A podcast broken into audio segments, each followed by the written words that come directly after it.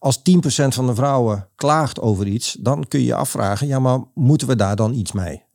Hoeveel procent moet er klagen? Is dat dan 50%? Dat weet ik ook niet. Het ministerie van Defensie.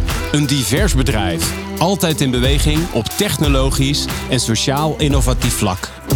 In de Samen Sterkere podcast maak je kennis met mensen waar eigenaarschap, drive en passie voorop staan. In deze podcast zoomen we in op structuur, cultuur, mens en samenwerking. Geniet jij van deze podcast? Like, deel en reageer, zodat wij weten wat jij van deze podcast vindt.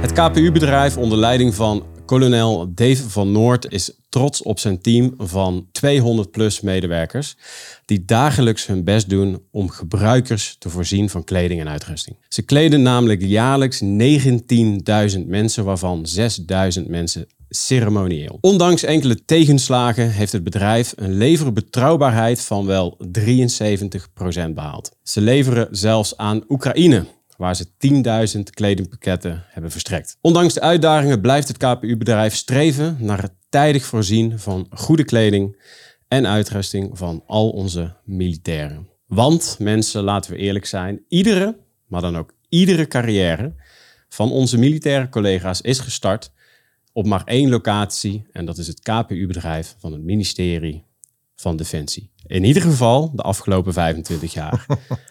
Welkom in de Samen Sterke podcast, kolonel Dave van Noord. Dankjewel, Danny. Wat een mooie opening. Briljant. Vind het nu al goed. Ja.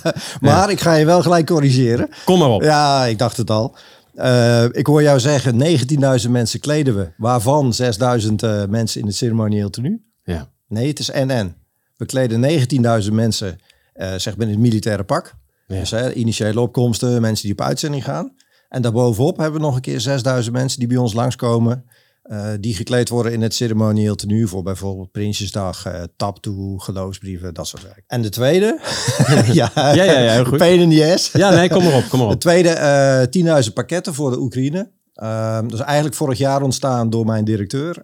Die zei van, ik merk dat jij iedere keer als jij eh, mensen moet kleden voor de Oekraïne, dat dat eigenlijk jouw eh, reguliere proces verstoort. Nou, dat klopt, dat is zo. Hij zegt, wat als we nou eens 10.000 pakketten op de plank leggen, Ehm, zodat je, als je mensen moet kleden, dat je eigenlijk gewoon heel makkelijk die pakketten kunt pakken. En Ja. niet iedere keer eh, dat van je reguliere proces Eigenlijk een buffer. houden. Eigenlijk een soort buffer.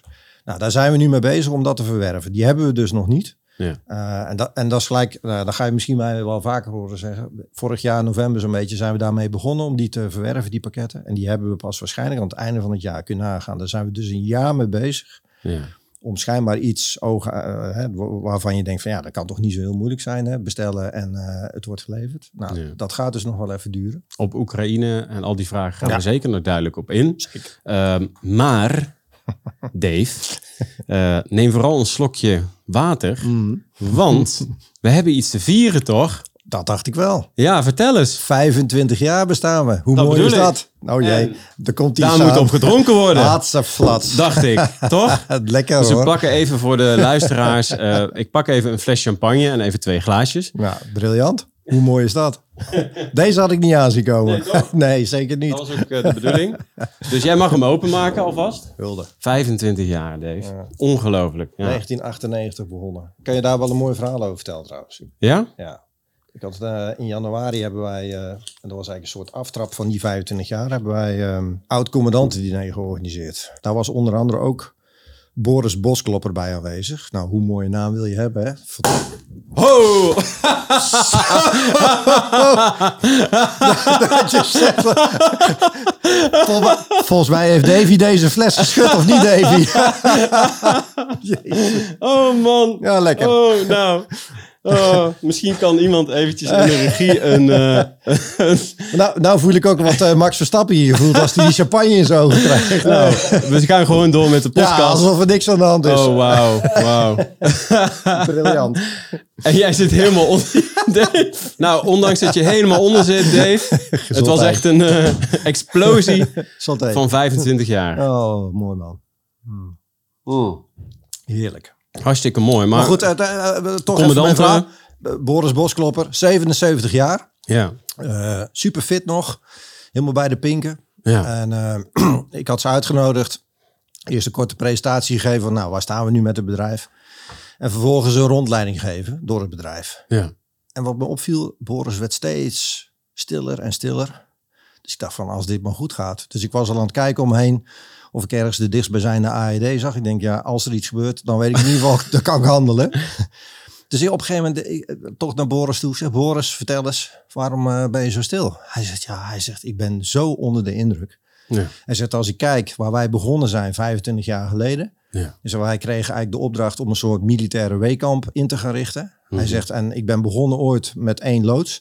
Hij zegt, en kijk waar je nu staat met jouw bedrijf. Ja. Hij zegt dan onder andere die nieuwe shop-in-shop, hoe je dat ingericht hebt samen met het bedrijfsleven. Ja, hij zegt, dat vind ik zo gaaf. Hij zegt, dat is zo mooi.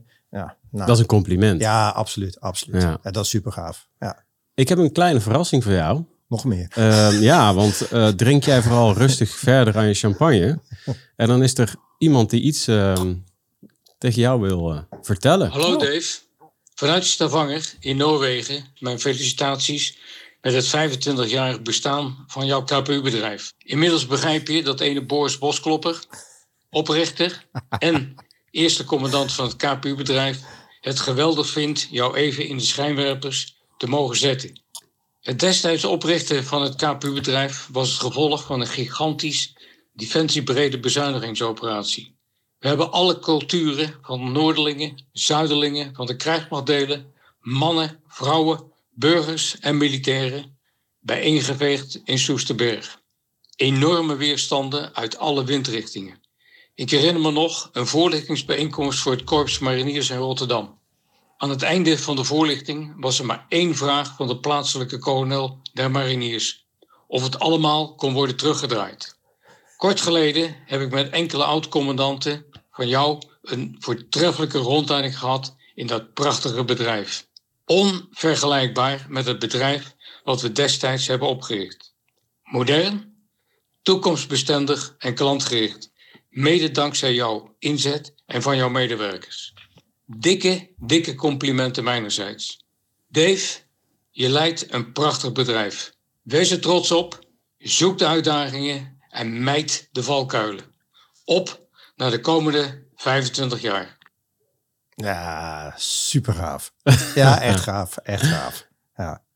ja, dat doet me echt iets. Ja? Ja, dat zie je Ja? waarschijnlijk wel. Ja, zeker. Ja, nee, dat vind ik echt heel gaaf. Ja, wat gebeurt er dan? Als je Ja, weet je, daar, daar doe je het uiteindelijk niet voor, hè. Maar ik ben natuurlijk ook gewoon een mens. En het is natuurlijk super gaaf als je compliment krijgt. Ja, en ik, ik heb echt eh, nu al ruim twee jaar mijn ziel en zaligheid in het bedrijf gestoken.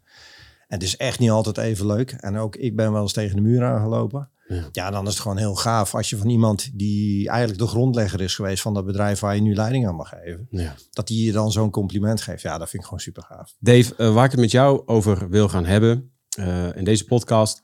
Kijk, als transitieteam CDS geloven wij dat sociale innovatie hè, met de mens als centrale focus. De sleutel is de, hè, tot succesvolle veranderingen. Door aanpassingen te maken op eh, de gebieden structuur, cultuur en samenwerking.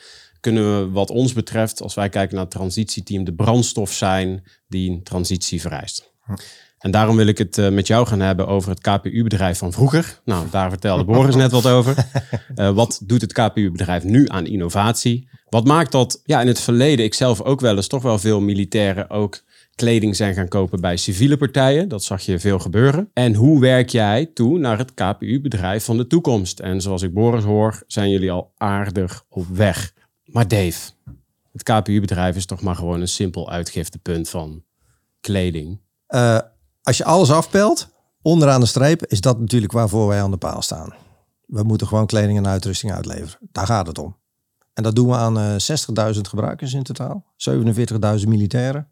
13.000 burger geuniformeerden. Hè, dus dan heb je het over mensen die werken in de catering, in de gezondheidszorg, brandweer. We hebben sinds vorig jaar ook de Belastingdienst douane met 3800 mensen waar we ook de spullen voor leveren. En die willen natuurlijk allemaal graag goede spullen hebben. Ook die douanier die eh, in het havengebied van Rotterdam zijn werkzaamheden of haar werkzaamheden verricht, die wil gewoon goede spullen hebben als het min 20 is. Ja.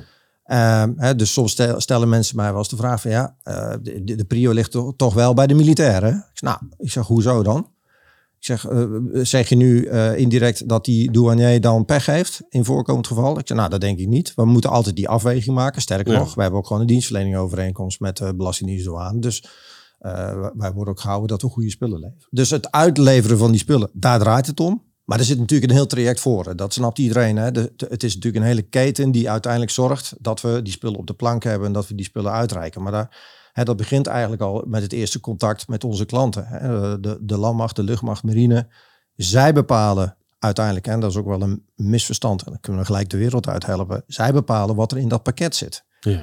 Dus de landmacht die bepaalt wat krijgen onze landmachtmilitairen voor spullen. Ja. Uiteindelijk geven we natuurlijk wel een advies, maar zij bepalen, want ze betalen ook uiteindelijk. Hoe is dat misverstand eh, ontstaan? Want Dat is een hele goede vraag. Weet ik echt niet. misschien omdat, Maar- wat je zelf ook al aangaf eerder aan mij, dat eh, het echt een eilandje op zich Ja, was, Ja. het KPU-bedrijf. ja ik- misschien is dat wel wat erachter zit. Hè? Dat als je maar genoeg shit over je heen krijgt, dat je op een gegeven moment veel meer naar binnen gericht gaat zijn. Hè? En we, ehm, het KPU-bedrijf kenmerkt zich ook wel dat wij een beetje een familiaire cultuur hebben. Ja. Hè, Als ik jou vertel dat we meer dan 50% boven de 50 jaar hebben. Ik heb 17% boven de 60 zelf, dus ik heb vrij veel ouderen. Een groot voordeel, heel veel kennis en ervaring in mijn organisatie. Ja, ook verandering is natuurlijk ook wel een beetje eh, een dingetje soms. Maar ja, die mensen, als je maar genoeg shit over je heen blijft krijgen, dan denk je op een gegeven moment misschien ook wel van, nou weet je, ik trek me lekker terug in mijn eigen eilandje. En ik, ja, en ik wil juist, want ik denk dat we dat moeten doorbreken. Het vertrouwen moet weer hersteld worden. Ik denk dat gewoon heel veel mensen het vertrouwen niet meer hebben in het KPU-bedrijf. Ja, weet je, ze doen allemaal beloftes en het komt eraan, maar eh, een jaar later is het er nog steeds niet. En dat vertrouwen moet weer terugkomen. Lastig eh, traject, want eh, we zitten echt in een moeilijke fase waar we, waarbij we deels echt afhankelijk zijn van de markt. En dat maakt het niet makkelijker. Maar ook wij als KPU-bedrijf moeten gewoon ook de hand in eigen boezem steken. Wij moeten gewoon zelf ook leren van onze fouten. Nou, Ja. Het lerend vermogen van mijn eh, bedrijf is helaas, kan beter, laat ik het Ja. zo zeggen. Hoe, hoe, hoe doe jij dat? Eh, het vertrouwen terugwinnen? Welke interventies eh, ben je mee bezig? Wat, wat, wat- Ja, nou, nou, nou, nou, dat is wel grappig. Hè? De, eh, de, de laatste maanden ben ik eh, zogenaamd een rondje langs de velden geweest. En ik heb bij de operationele commando's op het hoogste dek heb ik iedere keer gevraagd of dat ik daar spreektijd kon krijgen. Dus ik ben bij de Landmachtraad geweest, bij de Admiraliteitsraad. Ik heb alle commandanten van de luchtmacht mogen toespreken. En dan iedere keer een verhaal verteld over het KPU-bedrijf. En dan niet het Calimero verhaal van kijk, ons is zielig zijn en eh, iedereen is tegen ons. Nee, gewoon eh, schetsen in wat voor situatie wij zitten, waar we mee bezig zijn. En daar kom je dan achter. En dat was echt de rode draad bij al die raden waar ik geweest ben. Dat iedereen blijkbaar denkt dat het KPU-bedrijf bepaalt wat er dus in die pakketten zit. En dat is wel heel bijzonder om te zien. Dat dus blijkbaar tot op het hoogste niveau men i- echt de veronderstelling heeft van het KPU bepaalt uiteindelijk wat onze mensen wel en niet krijgen. Ja, dat is dus helemaal niet zo. We hebben op, op al die verschillende operationele commandos hebben we een bureautje zitten waar wij zaken mee doen. Ja, en daar moeten juist die veranderingen binnenkomen. Dus als mensen behoefte hebben aan, joh, ik mis echt iets in mijn pakket. We, we gaan ook op een andere manier optreden. Dus ik moet eigenlijk dit in mijn pakket hebben. Dan moet dat daar binnenkomen. Ja, en dat vertrouwen, dat, ja, dat zit hem vooral in ehm, beloftes die we maken, dat we die nakomen. Ja. Dus in alle eerlijkheid, ik heb afgeleerd dat ik zeg van nou, in week, in week eh, 24, dan eh, starten we met de uitrol van het interim gevechtspak. Want dan wordt het week 25 en dan valt de hele wereld over je heen. Ja. En terecht. Want ja, Van Noord heeft gezegd week 24. Ja. Dus wat zeg ik nu? We starten in Q2. starten we met de uitrol. Ja, en onderaan de streep is, is dat denk ik het belangrijkste. Dat mensen eh, zien dat we onze stinkende best doen om te proberen dagdagelijks het te verbeteren. Ehm, maar ja, je moet uiteindelijk ook die beloftes nakomen. Ja. Als we het daarover hebben, hoe zou jij dan dingen anders in willen richten om de behoeftes, want dat is ook belangrijk bij Ja. vertrouwen, de behoeftes van de mensen op de werkvloer, eh, die dan soms met spullen rondlopen waar ze denken van ja, daar heb ik niks aan. Hoe zou jij het dan liever inrichten? Laten we beginnen met, eh, we, zijn, we zitten midden in de grootste verandering van het KPU-bedrijf in de afgelopen 25 jaar. En dat is namelijk de implementatie van SAP. En dan meer specifiek S4 HANA implementeren, bedrijfsvoeringsondersteunend systeem. Ja. Nou, de mensen die daar wat meer verstand van hebben, die weten dat als je eh, dat systeem gaat invoeren en het matcht niet helemaal met je bedrijfsvoering, maar dan ga je je bedrijfsvoering aanpassen. Dus Ja. dat gaan we matchen aan het systeem wat we gaan invoeren. SAP is een logistiek, voor de is- luisteraar, een logistiek systeem. hè? Ja, het is per definitie ooit ontwikkeld als een soort warehouse systeem. Maar we, we, binnen Defensie ma- gebruiken we het breder. En wij gaan het ook breder gebruiken. Ik Ja. geloof ook echt Dat Dan weet je wat je voorraden zijn. precies dat. Ja. Niet, niet iedereen kent SAP. Je, nee, je krijgt veel meer, eh, veel meer data, veel meer informatie. Je Ja. kunt dus beter gaan sturen. En dat wil Ja. niet zeggen dat we die systemen nu niet hebben. Maar dan heb je één systeem waar alles aan gekoppeld is. Voorspellingen. Je voorspellingen gaan veel beter worden als het goed is. En dat is natuurlijk wel wat we nodig hebben. Alleen, je zult altijd verstoringen houden. Weet je, als wij eh, het nieuwe interim gevechtspak willen invoeren. En dat wordt om wat voor reden dan ook vier of vijf maanden wordt dat verschoven. Ja.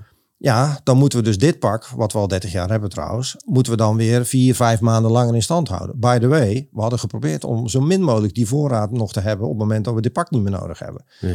Nou, dan ga je naar de leverancier en dan zeg je van, ik wil graag toch nog wat aanvullende bestellingen doen. Ja, dat kan, Ja. maar voorlopig krijg je niks. Ik snap weer dat mensen dat niet begrijpen, want die willen gewoon dat pak hebben. Ja, Ja. hallo Van Noord, daarvoor ben je toch op aarde? Je moet toch gewoon dat pak? Ja, dat klopt. Ja. Daar ben ik het ook mee eens. Maar we hebben een verstoring gehad waardoor iets verschoven is. En we willen dat aanvullen, maar dat lukt gewoon niet op dit moment. Ja. En nu Ja. wil ik niet heel denigrerend zijn hoor. Sorry dat ik je Nee. onderbreek. Totaal niet. Want je zegt we hebben heel veel ervaring in de organisatie. Maar het implementeren van SAP, en dan heb ik het Ja. over cultuur, Ja. best een complex programma. Eh, toevallig is mijn moeder, die is eh, boekhouder van mijn bedrijf. en die is vrij goed met Excel. Kijk. Maar als ik mijn moeder ineens met SAP moet gaan laten werken, dan denk ik dat ze echt even de tijd nodig Ja. heeft om dat. Te leren kennen. Jij zegt net, 50% is boven de 50, 17% boven de 60. precies. Hoe zie je dat voor je? Want dat is een uitdaging, denk ik. Ja, het, het is echt een vraag. Want als je mij vraagt, hè, toen ik binnenkwam, een van de eerste dingen die ik hoorde, was dat ik SAP weer mocht gaan implementeren. En ik kreeg echt een, een, een, een, een nachtmerrie, want ik ben een tijd geleden commandant DVVO geweest. En daar mocht ik SAP TM gaan implementeren. En ik wist wat voor shit en disaster we daar hebben gehad. Dus ik zag de, ik zag de ellende al op me afkomen. Ja. Dus het eerste wat ik gedaan heb, is dat ik naar mijn baas ben gegaan en gevraagd: mag ik een projectleider aanstellen? Want dit kun je er niet even naast doen. Hier moet je echt iemand dedicated opzetten. Nou, mijn projectleider, die net klaar was met de Belastingdienst douane project, die, eh, die wilde dat wel oppakken. Dus die, die is daar voortvarend mee aan de gang gegaan. En soms moet je wel eens geluk hebben ook. Hè? En ik heb toen echt mega mazzel gehad. Ja. Want wij kregen de kans om drie mensen eh, die net klaar waren met een vergelijkbare klus bij het munitiebedrijf, om die in te mogen gaan huren. Nou, dat hebben we als een dolle gedaan. Die hebben we binnengetrokken. Dat clubje is intussen wat gaan jongen. Die hebben nu intussen al zeven mensen. En die club is echt goud waard. Eh, die mannen die eh, weten op een of andere manier heel goed die verbinding te leggen met met name die oudere mensen. Die weten heel goed gebruik te maken van hun kennis en ervaring. Van joh, vertel nou eens, wat vind jij nou? Wat zou je nou graag willen zien? En dan Ja. binnen de mogelijkheden van het systeem Ja. proberen we dat in te passen. En dat gaat natuurlijk niet altijd, maar dat lukt vrij aardig. Ja, en eh, door ze te betrekken, eh, aandacht te hebben voor eh, de problemen die ze zien. ja, het, loopt dat nu eigenlijk best wel goed. Hè? Dan- nou, Ervaren die mensen dat ook zo? ja, ik, ik hoor echt eigenlijk tot nu toe nog geen wanklank. En in alle eerlijkheid, hè, de, de, de grootste shit en disaster moet nog komen. Want in de tweede helft van dit jaar moeten we onze mensen ook echt gaan opleiden. En dat gaat dus tijd en, eh, en energie kosten. Ja. En dat gaat dus ten koste weer van hun reguliere werkzaamheden. Dus dat, Ja. dat, gaat, dat gaat schuren straks. Maar ik heb niet voor niks gezegd. Primair eh, dit jaar, prio 1, is die implementatie van SAP. Want als we dat volgend jaar niet goed doen, ja, dan donderstraalt onze levenbetrouwbaarheid echt naar beneden. En dan, dan, hebben we echt, eh, dan valt de hele wereld over ons heen. En iedereen snapt dat gelukkig. Iedereen ziet dat ook. En ik denk ook wel dat dat misschien het verschil is ten opzichte van mijn voorgangers. Eh, want ik ben natuurlijk weer de zoveelste commandant die drie jaar even aan het roer staat. Ja. En er zijn natuurlijk mensen die al 20, 25 jaar bij het KPU-bedrijf werken. En eh, nou, daar heb je weer zo'n uh, kolonel en die wilde weer alles veranderen. En Ja. nou, een kwestie van tijd, dan hebben we de volgende weer. Mijn grote verschil, denk ik, met mijn voorgangers is dat we SAP gaan implementeren. En dat gaat volgens mij echt een verschil maken. Ja, ik zie altijd zulke zaken, zulke grote veranderingen als hoe kunnen we echt beter worden? Als een uitdaging, ja, als een kans. Ja.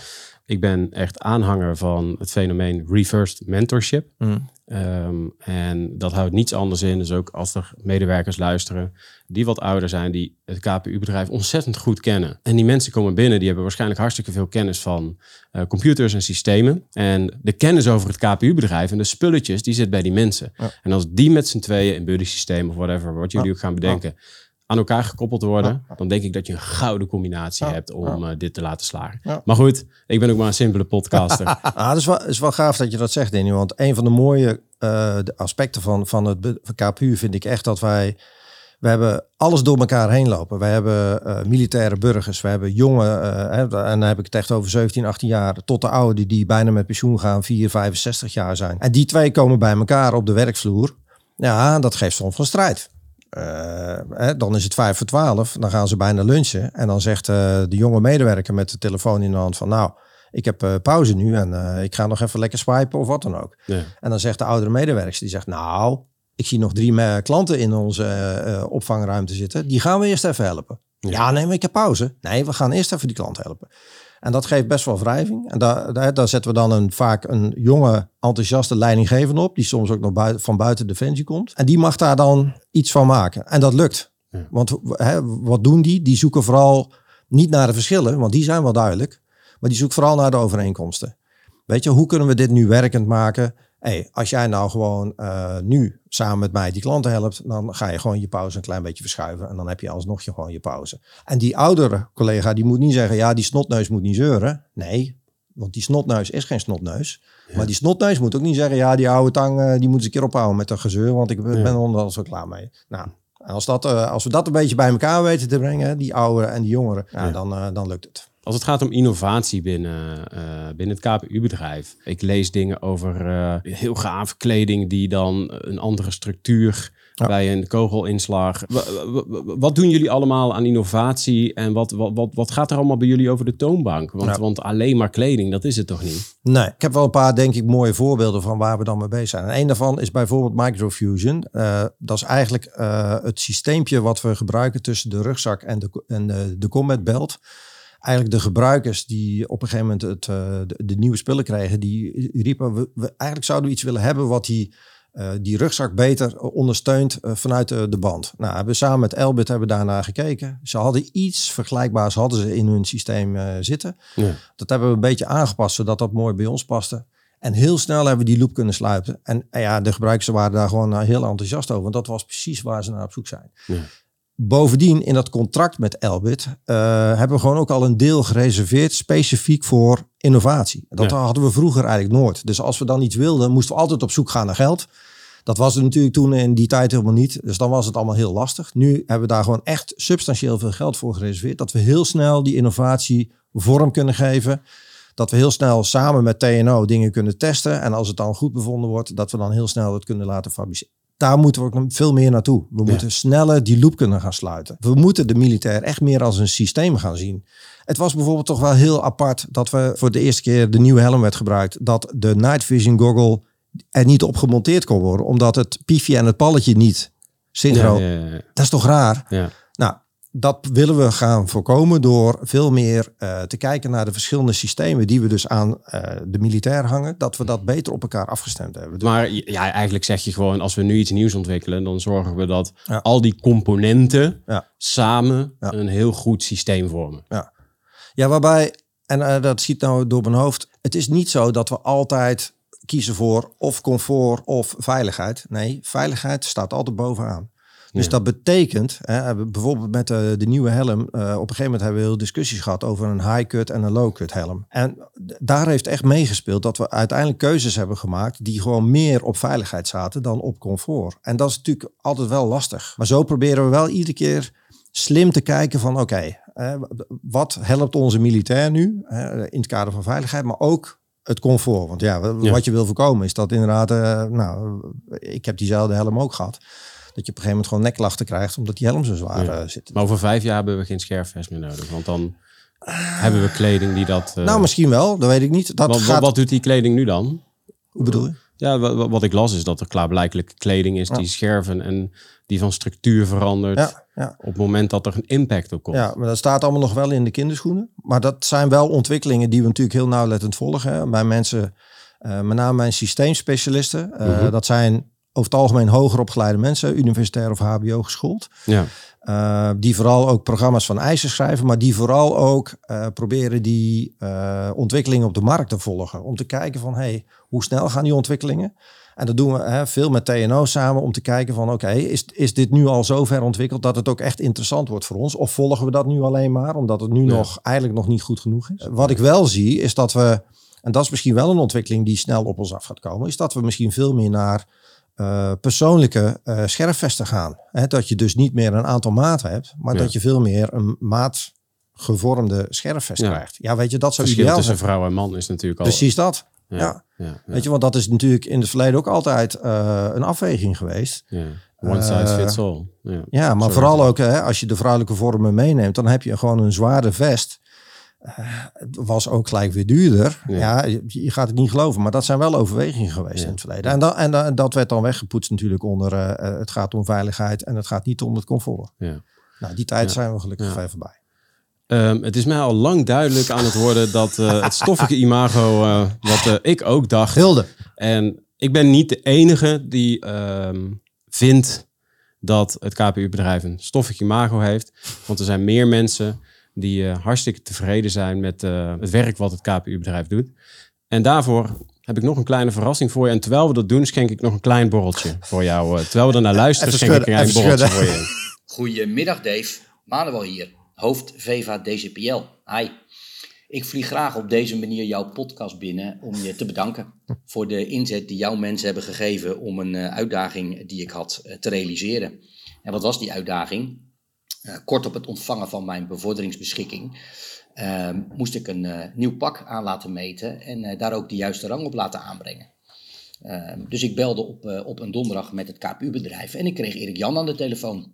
Erik Jan begreep mij direct, ehm, ging intern afstemmen en belde mij kort daarop terug dat ik direct naar het KPU-bedrijf kon komen om een pak aan te laten meten.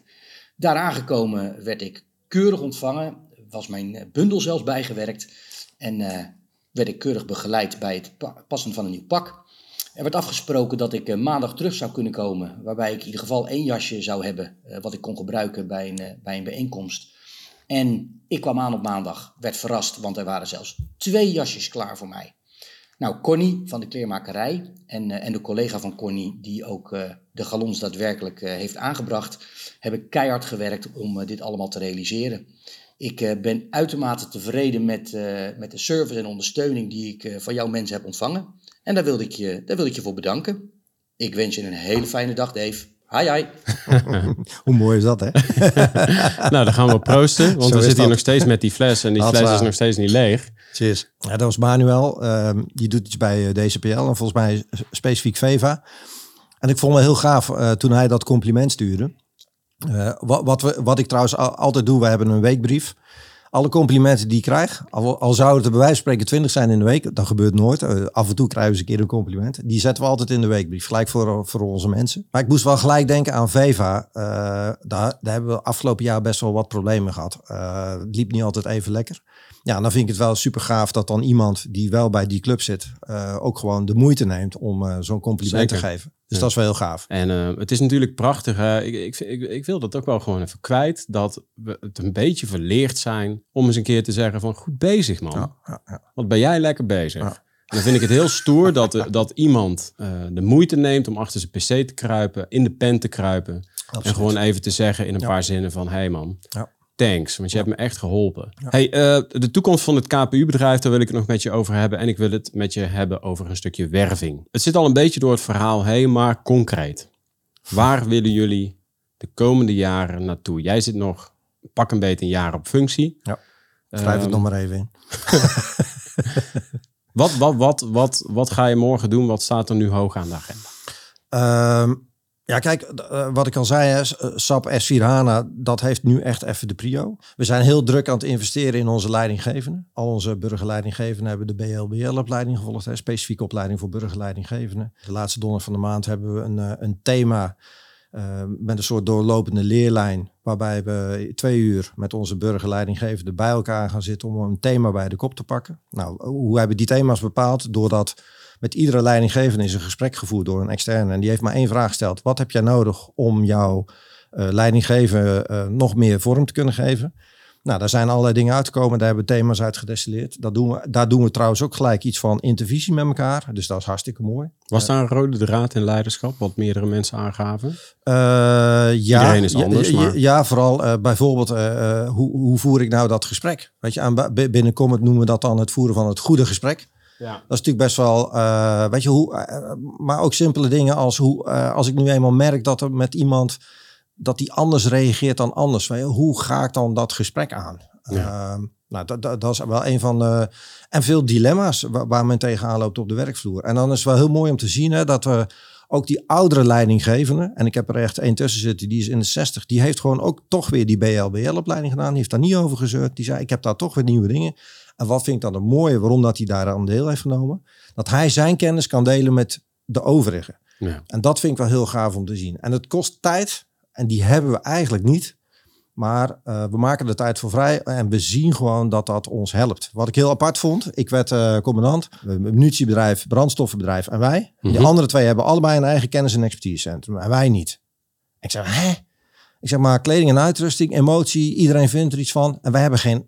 Maar hoe dan? Dus iedere carrière van iedere militair start bij het KPU-bedrijf. En we hebben geen kennis- en expertisecentrum. En ik stel dus de volgvraag. Gaan we nou uh, weer dan 30 jaar dat Defensie operationeel kleedsysteem dragen? Of gaan we nu al nadenken over wat daar dan de opvolger van moet zijn? Ik zeg, ja. want de ontwikkelingen gaan supersnel in de, in, de, in de civiele leven. Dus ik zeg, we moeten een eigen kennis- en expertisecentrum oprichten. Waarom wil ik dat? Omdat ik vind dat mijn accountmanagers, die dagdagelijks hè, de contacten onderhouden met de landmacht, de luchtmacht en de marine, die moeten veel meer aan tafel zitten bij de ontwikkelingen die daar gaande zijn.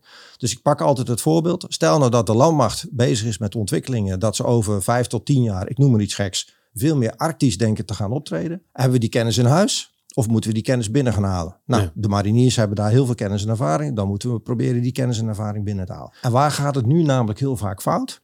Is dat dan in redelijk in splendid isolation goed bedoeld uh, mensen allerlei eisen gaan stellen. Uh, wat dan een bepaalde kleding of uh, uitrustingstuk moet kunnen. Ja. Dan hebben we een waslijst, dat wil je niet weten. En vervolgens moeten we dat dus gaan ontwikkelen. Kost ja. mega veel tijd. En je wil juist het zo snel mogelijk hebben. Nou, dan, daar kunnen we dan aan tafel roepen, luister. Als je nou een aantal van die eisen laat vallen. Dan heb je iets wat eigenlijk trouwens je internationale partner, Duitsland, Frankrijk, whatever, ook al heeft. Ja kunnen we heel snel verwerven. Misschien wel gezamenlijk met een aantal landen. Dus kies daarvoor. Dus dat kennis- en expertisecentrum, wat mij betreft gaat dat er komen. Daar betrekken we dan ook TNO bij. Daar gaan we ook onze civiele leveranciers bij betrekken. Want daar vinden de ontwikkelingen plaats. En ik pak altijd voorbeeld. Hè. We hebben in 2021 hebben wij de koopwijsprijs gekregen. Dat was voor uh, maatschappelijk verantwoord uh, uh, kopen. Wij kregen dat voor het tropenwit uniform van de marine. En waarom kregen we dat? Omdat een deel daarvan, uh, onder andere de knopen, maar ook ritsen, was van gerecycled plastic uit de oceaan. Super gaaf, ja. hartstikke ja. mooi. Ik werd uitgenodigd door die leverancier en die zei tegen mij, jullie moeten ons meer uitdagen. Ja. Hij zegt, wij kunnen veel meer. En zeg maar, als jullie ons niet uitdagen, dan blijft het lekker bij het oude. En zeg maar, dat is voor ons onderaan de streep goedkoper. Ja. Dus wij moeten ze meer gaan uitdagen. Wij moeten TNO vertellen wat ze voor ons moeten gaan testen. Niet andersom. En als we dat voor elkaar krijgen in de toekomst, dat wij veel meer aansluiting vinden bij die operationele commando's, ja, dan denk ik dat we op de goede weg zijn. Mooi, mooi. En heb ik gelijk nu even de gewetensvraag. Kijk, als interviewer mag ik nergens iets van vinden, hè, want oh, ik stel ja. alleen maar vragen. Ah. Alleen waar ik wat van vind, en dat hoor ik in meerdere podcasts ook terug, is het systeem wat prachtig is binnen Defensie, waar we heel veel van leren. Lees om de drie jaar een andere functie. uh, en nogmaals, dat is een supergoed systeem. Dus mm. als generalist word je natuurlijk geweldig, want je weet heel veel dingen. Uh, heel veel kleine beetjes van een hoop. En leiderschap wordt natuurlijk alleen maar beter. Ja. Echter, ik zie hier een man zitten tegenover mij met heel veel passie, Ja. heel veel bezieling. Die spreekt continu over wij. Maar jij gaat over een jaar weg. Je vult hem al aan. Ja, ja, ja. En Denkt, denkt jouw opvolger er dan ook zo over? Over al die dingen die nu op de agenda staan? Ja. Nou, ik, eh, ik weet wie mijn opvolger is. Die eh, is baasje geweest van Strong, hè, Soldier Transformation Ongoing. Nou, die weet als geen ander wat het belang is van, eh, van goede kleding en uitrusting. Dus ik heb er alle vertrouwen in dat hij die weg die we nu ingeslagen zijn gaat voortzetten. Natuurlijk gaat hij zijn eigen draai eraan geven. Ik, ik deel jouw mening, Danny. Hè, dat, ik vind dat zelf ook. Ik vind het even los van het feit dat ik na drie jaar, ik heb dan mazzel drieënhalf jaar, eh, weer van functie moet. Want het liefste zou ik nog minimaal anderhalf of nog twee jaar willen blijven. Eh, aan de ene kant, dat vind ik ook dat wel weer de mooie kant van, eh, van militair zijn. Hè? Dat je weet dat je om de drie jaar weer iets Absoluut. totaal anders kunt gaan doen. Absoluut, zeker. Of het voor de organisatie heel goed is. En ik heb daar ook wel discussies over met mijn medezeggerschappen. Die zijn best wel heel kritisch. En dat is goed, want dat houdt mij ook heel scherp. Maar die zeggen ook van ja, jij wil graag een plaatsvervanger hebben in de rang van luitenant-kolonel. Ja, de, in het kader van de continuïteit zijn wij daar geen voorstander van. En Nee. ik snap dat, want zij zeggen ook van ja, die van Noord gaat dan over drie jaar weg. Eh, die plaatsvervanger gaat dan na drie jaar weg. Wie zorgt dan voor die continuïteit? Ja. Nou, gelukkig hè, wil ik daar ook nog een stafmedewerker dan neerzetten. Die wel die continuïteit gaat borgen. Maar die hebben dus dezelfde zorg. En wel terecht. Want Ja. zo'n organisatie, nou ja, de- dat weet je ook wel. Een goede organisatie is altijd in beweging. Ja. Eh, dan is het wel heel prettig als je wat meer eh, continuïteit hebt. In ieder geval van degene die dan eh, aan het roer staat Ja. van zo'n bedrijf. Dus Ja, en ik eens. denk, kijk, je hebt, je, hebt, je hebt het bekende model. eh, en ik hou van modelletjes, want die maken af en toe maken het leven wat makkelijker. Mhm. Van Tuckman. En Ja. Tuckman begint met storming, norming en performing. Oftewel een teammodel, hoe een team zich ontwikkelt. En als er een nieuwe commandant komt, of wat nieuw personeel, of een grote verandering, eh, verandering in de organisatie, dan ontstaat er een storming Ja. situatie. Ja. Iedereen die denkt van, oeh, wat, wat, wat gaat de nieuwe commandant doen? Wat gaat er be- gebeuren? Op een gegeven moment zijn ze een beetje aan jou gewend. Dan kom je in een norming fase. Dan weet iedereen weer waar die staat en wat er van hem verwacht wordt. Dit, dit gebeurt bij iedereen. Mhm, Altijd. En dan kom je in performing. En dan kun je een high performance team worden wat Ja. eh, echt daadwerkelijk het verschil kan maken. Alleen wat ik gewoon zie binnen Defensie, Ja. eh, ondanks dat wij echt alleen maar high performance teams zouden moeten zijn, door die drie jaar doorwisseling komen we bijna nooit in de performing fase, omdat er dan alweer een wissel zit. En dat is toch wel iets eh, wat ik ja, altijd terugzie. Ik ben niet aan het klagen, alleen ik denk persoonlijk, en nogmaals, ik ben hier mijn mening aan het, eh, hè, mijn goed. persoonlijke titel. Ja. Eh, en ik hoop niet dat ik nu door een hoop mensen de kop afgehakt word. Iedereen is nu afgehaakt. Nogmaals, ik vind het systeem ook goed, want het Ja. maakt je een betere leider en objectief en inderdaad. En, maar wil je aansluiting vinden bij een generatie die zingeving belangrijk vindt, die gehoord en gezien wil worden, dan denk ik dat we daar iets mee moeten gaan doen. Maar dat is mijn persoonlijke mening. Nou, zou je daar eens op kunnen reflecteren als ik dat zo... ehm, Ja, op het gevaar af. En dat is ook mijn persoonlijke mening. Ik ben het helemaal met je eens. Weet je, ik, ik vind echt dat dit soort functies minimaal vijf jaar zouden moeten zijn. Maar sterker nog, het geldt zelfs ook voor mijn managementteam. Ik heb ongeveer elf mensen in mijn managementteam. En als ik zie in de afgelopen twee jaar hoeveel wisselingen daarin zijn geweest. Dus eigenlijk de basis die je nodig hebt, namelijk een managementteam. Waar, ik geloof heel erg in voorbeeldgedrag. Een managementteam die het voorbeeld geeft. Die goed samenwerkt. Die eh, over de schutting heen kijkt. En proberen, probeert elkaar te vinden. En niet alleen maar te zeggen. Ja, maar ik ben alleen van uitgifte. Ik ben niet van voorraadbeheer. Nee, we zijn allemaal van die keten. En we willen allemaal hetzelfde. Namelijk die mannen en vrouwen voorzien van de juiste spullen. Daar gaat het om. Punt. Dat is de bedoeling. dat is de bedoeling. Ja, en je ziet gewoon, dat, dat- ja, dat, dat, dat is lastig. Hè? Dat kost tijd. Hè? Daar moet je ook in investeren. Je moet elkaar ook leren kennen. Je vertrouwen krijgen in Ja. elkaar. Ja, dat lukt dan niet. Want Nee. het wisselt te snel. Ja, nou, misschien, eh, misschien zou je de CDS een keer uit moeten nodigen. Eens vragen of, of we dat niet moeten veranderen. Zeker, zeker. Maar we, kijk, wat, wat daar misschien wel mee te maken heeft, Danny, is dat, en daar zitten we misschien dan ook nog een beetje vast in ons oude denkpatroon, dat we willen dat sommige mensen bepaalde commandantenstoelen hebben eh, moeten doen voordat ze door kunnen stromen naar Je moet je afvragen of dat, dat dan, Ja. weet je, waar kies je voor? Kies je voor een, een commandant die, die 2,5 of drie jaar op functie zit en dan gauw doorstroomt naar eh, andere rangen? Ja. Of kies je voor eh, een stuk rust bij die organisatie, ook omdat je die super belangrijk vindt, Ja. waarbij je iemand gewoon vijf jaar aan het roer zet. Ja. En zegt van, nou, weet je, eh, hier heb je hem. Eh, vijf jaar krijg je de tijd van mij om het, het bedrijf nog verder te brengen. Ja. Ik denk dat dat de goede intentie zou zijn, die laatste. Ja. We gaan Dus, verder. dus als je mij vraagt, als jij nou een dag CDS mag zijn, nou, je hebt het antwoord al. nou, hartstikke goed. Dan hebben we die gehad. Hey, ik wil, ehm, ik wil eh, eh, ehm, eh, eigenlijk af gaan ronden met het stukje wat wel heel belangrijk gaat zijn voor de komende jaren voor het KPU-bedrijf. Een stukje werving van personeel. Ja. Hoe ga jij, hoe gaan jullie met het KPU-bedrijf, jullie managementteam, de mensen ervoor zorgen dat het KPU-bedrijf aansluiting vindt bij de generatie Z en het meest sexy bedrijf wordt om te werken? Ik weet niet of je het horen, maar ik zuchtte heel diep. nee, de, de, de- als je het nou hebt over eh, waar ik me echt zorgen om maak op, op dit moment, dan is het echt de vulling van mijn bedrijf. Ik heb 25% vacatures. En al verteld 80, 80 vacatures, dat is gewoon echt veel. Ja, en je merkt gewoon, een aantal jaren geleden stonden de mensen bij wijze van spreken met tientallen voor de poort te wachten om eh, bij mij te komen werken. Omdat? Die, eh, omdat men, hè, men, men wilde graag voor Defensie komen werken, zocht er een baan. eh, Stabiliteit. stabiliteit, hè, zekerheid. Maar die tijd is voorbij. Wij moeten echt veel meer die verbinding gaan zoeken. Ik geloof ook, eh, in, eh, eh, dat is iets waar we nu mee bezig zijn, comment experience. Ja. Ik denk dat het echt een goede zet is. Ja, luister naar de Eh, podcast met Lars de Grauw. Die eh, komt, eh, ja, die is eigenlijk voor deze podcast. Eh, als de mensen deze luisteren, is die uit. Lars is een van de grondleggers van Commit. Ja. Ja, en ik, en ik, ik geloof daarin, hè, want ik denk echt dat wij niet moeten zeggen wat wij kunnen bieden. Ik denk dat wij veel meer zouden moeten gaan vragen: wat heb jij nodig? Wat wil jij? Ik snap dat dat eh, voor sommige mensen best wel heel vervelend is. Van ja, die, die, die jongere die, die wil veel meer vrije tijd. Ja, hallo, is daar iets mis mee dan? Ik denk echt dat we veel meer de slag moeten maken. Ga nou eens in die positie zitten van die generatie Z. En ga nou eens kijken hoe we daarbij aan kunnen sluiten. En jij zegt, ja, sexy bedrijf. Ja, ik heb een aantal van die jonge hogeschoolden rondlopen. Maar ik heb ook een aantal jonge mensen laaggeschoold rondlopen. En toch willen die bij mij komen werken. Ja. Dus op een of andere manier zijn we dan misschien al sexy genoeg. Ik denk ook dat je bij ons prima drie, vier jaar ervaring op kunt doen en dan weer door kunt stromen. Weet je, je hoeft niet meer per se bij mij 20, 25 jaar te werken. Tuurlijk is dat hartstikke mooi en als mensen daarvoor kiezen, dan is dat 100 punten.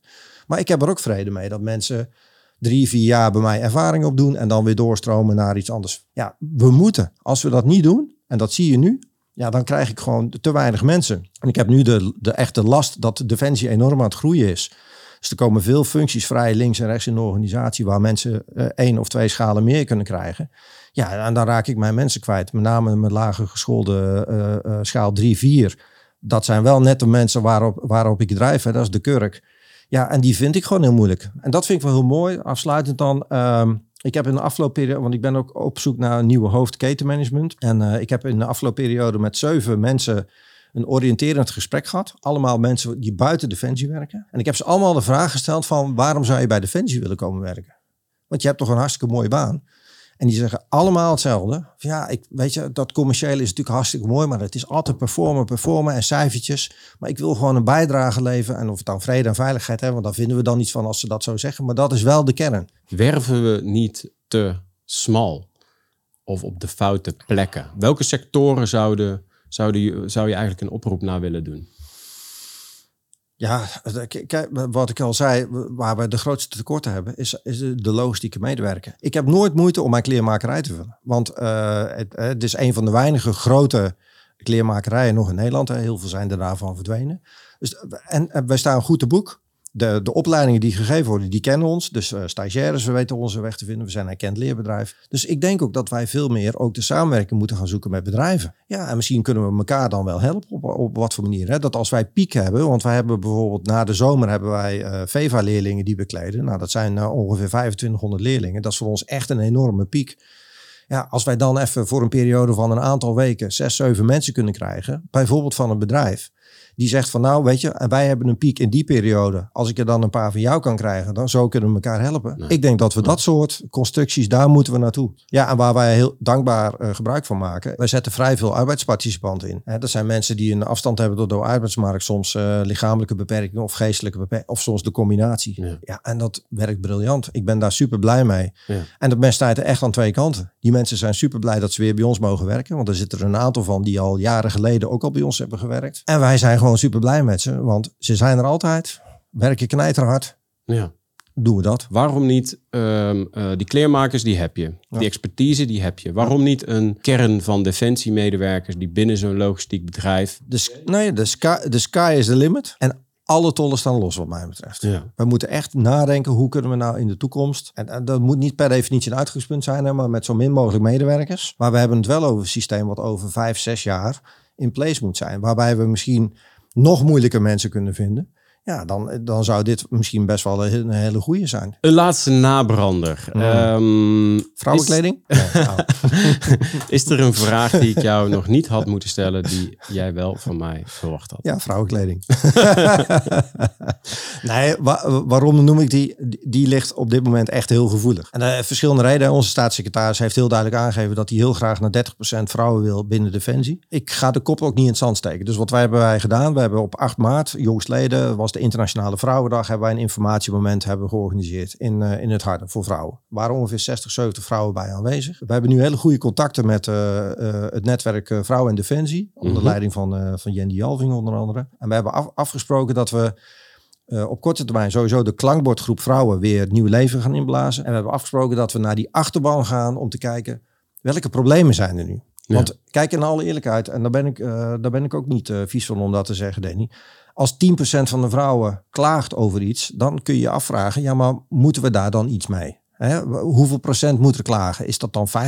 En dat weet ik ook niet. Nee. Maar we moeten wel daarop inzoomen waar de meeste klachten over zijn. Hè? Ja. Waar, waar- waar hebben de eh, vrouwen, de vrouwelijke militair, maar ook de vrouwelijke geuniformeerde burgers, waar hebben die nu behoefte aan? In alle eerlijkheid, dit doen we er dus ook bij. Ik zie echt wel dat dat natuurlijk al heel snel ook op een eh, hoog dek eh, alle aandacht krijgt. Maar we gaan daar wel degelijk bij. We nemen het ook serieus. En, eh, nou, iets bazaals wellicht, maar toch voor de vrouwen is dat echt wel heel belangrijk geweest. Ja. Vanaf begin dit jaar, januari, mogen vrouwen eh sport-BH's en panties zelfstandig aanschaffen en declareren. Daarvoor hadden wij gewoon een assortiment die de vrouwen nauwelijks afriepen, omdat dat gewoon allemaal, eh, eh, laten we zeggen, wat ouderwetse meuk was. Dave, we hebben het over van alles gehad. We hebben het gehad over het en meerdere, waarschijnlijk met mij, het stoffetje maken van het KPU-bedrijf is wat bij mij, ik heb er heel hard overheen geblazen. Jullie zijn een super innovatief bedrijf. Ik vind het prachtig om jou met zoveel passie te horen spreken over het bedrijf. Het klinkt ook echt als een warm bedrijf om te werken. Jullie gaan door ontzettend moeilijke tijden heen. Eh, er wordt veel van jullie gevraagd. Ik vind het prachtig om te horen hoe de oprichter Boris eh, eh, reflecteert op, op het KPU-bedrijf. Dat hij echt onder de indruk was waar jullie nu staan. En ik vind het ook heel mooi hoe je vertelt over waar jullie gaan. Het stukje commit, het stukje leiderschap, werving, daar moeten jullie echt aan gaan werken. Ik zou je eigenlijk gunnen dat je dit nog, nog af zou mogen maken eigenlijk. Hè? Dat je niet over een jaar, dat zou ik je eigenlijk gunnen. Nou, Dus bij deze, hoe zou jij dit gesprek samenvatten? Ja, ik ben heel blij dat je mij de kans hebt gegeven om ehm, eh, eh, wat meer te, context te mogen schetsen wa- waar we mee bezig zijn met het KPU-bedrijf, wat we allemaal doen. En ik hoor heel vaak mensen terugzeggen als ik dan een, een presentatie heb gegeven of een rondleiding. Van, eh, ja, je zet altijd jouw medewerkers centraal. Ja, dat klopt. Maar daar, uiteindelijk, daar gaat het ook over. Ik bedoel, ik kan het allemaal heel mooi vertellen. Maar mijn medewerkers zijn degene die het moeten doen. En ik hoop dat dat duidelijk is geworden. Ik hoop ook dat duidelijk is geworden. Er loopt bij mij niemand lachend rond als er weer iets misgaat of als we weer eh, een vertraging hebben waar we soms zelf of misschien helemaal niks aan kunnen doen. Eh, hè, wat ik graag dan mee zou willen geven is als je achter je laptopje zit en je bent gefrustreerd omdat iets wat langer duurt. Volgens mij de spullen die we hebben zijn helemaal niet zo slecht. Ja, ik wil ook graag de nieuwe spullen hebben. Het komt eraan. Heb soms even misschien iets meer geduld. En ik weet, soms hebben mensen al heel lang geduld. Maar heb het nog steeds. Het komt er echt aan. En ik vrees ook dat mijn opvolger daar echt wel eh, iets moois van eh, gaat maken. Hè? Want eh, ik denk dat echt in zijn periode gaat dat allemaal lukken. Ja, weet je, heb iets meer begrip. Want het, doet, het gaat mij echt aan het hart. als er heel veel negativiteit wordt gespuit. Het gaat wel over mijn mensen. En die doen echt hun stinkende best. En als we daar iets nou, af en toe die ruwe randjes wat een beetje vanaf kunnen halen. En ja, klagen, dat, dat zal altijd gebeuren. Dan ben ik een eh, gelukkig mens. de gevleugelde uitspraak die ik bij de landmacht heb geleerd en wat we hopelijk met deze podcast hebben bereikt is informatie is motivatie. Precies dat. Binnenkort komt de staatssecretaris bij mij eh, in de podcast. Heb jij misschien nog een leuke kritische vraag? Misschien eh, zet ik je een beetje voor blok voor de staatssecretaris die ik hem echt moet stellen in deze podcast. Ja, die heb ik. Wij zijn sinds kort begonnen met duurzaamheid binnen het KPU-bedrijf. En in de voorbereidende kick-off sessie. En dat ging over duurzaamheid. En een van de dingen die ik daar heb ge- geroepen, en ik wist dat trouwens zelf ook niet, is dat de op twee na grootste vervuiler in de wereld is de kledingindustrie. En wat ik de staatssecretaris wel eens zou willen vragen. Wij hebben binnen Defensie heel veel aandacht voor eh, de logistieke footprint. eh, met name energiesystemen hè, die, eh, die eh, milieuvervuilend zijn. Zouden we misschien niet iets meer aandacht moeten hebben voor kleding en uitrusting, die dus de op twee na grootste vervuiler van de wereld is? Ik ga die vraag stellen. Ik vind Hartstikke mooi. Zullen wij die fles champagne nog even op gaan drinken? Ik denk dat dat een goed plan is. Gaan we dat doen. Ja. Dankjewel. En Dankjewel, Dede. wij proosten nog een keer. Cheers. Cheers.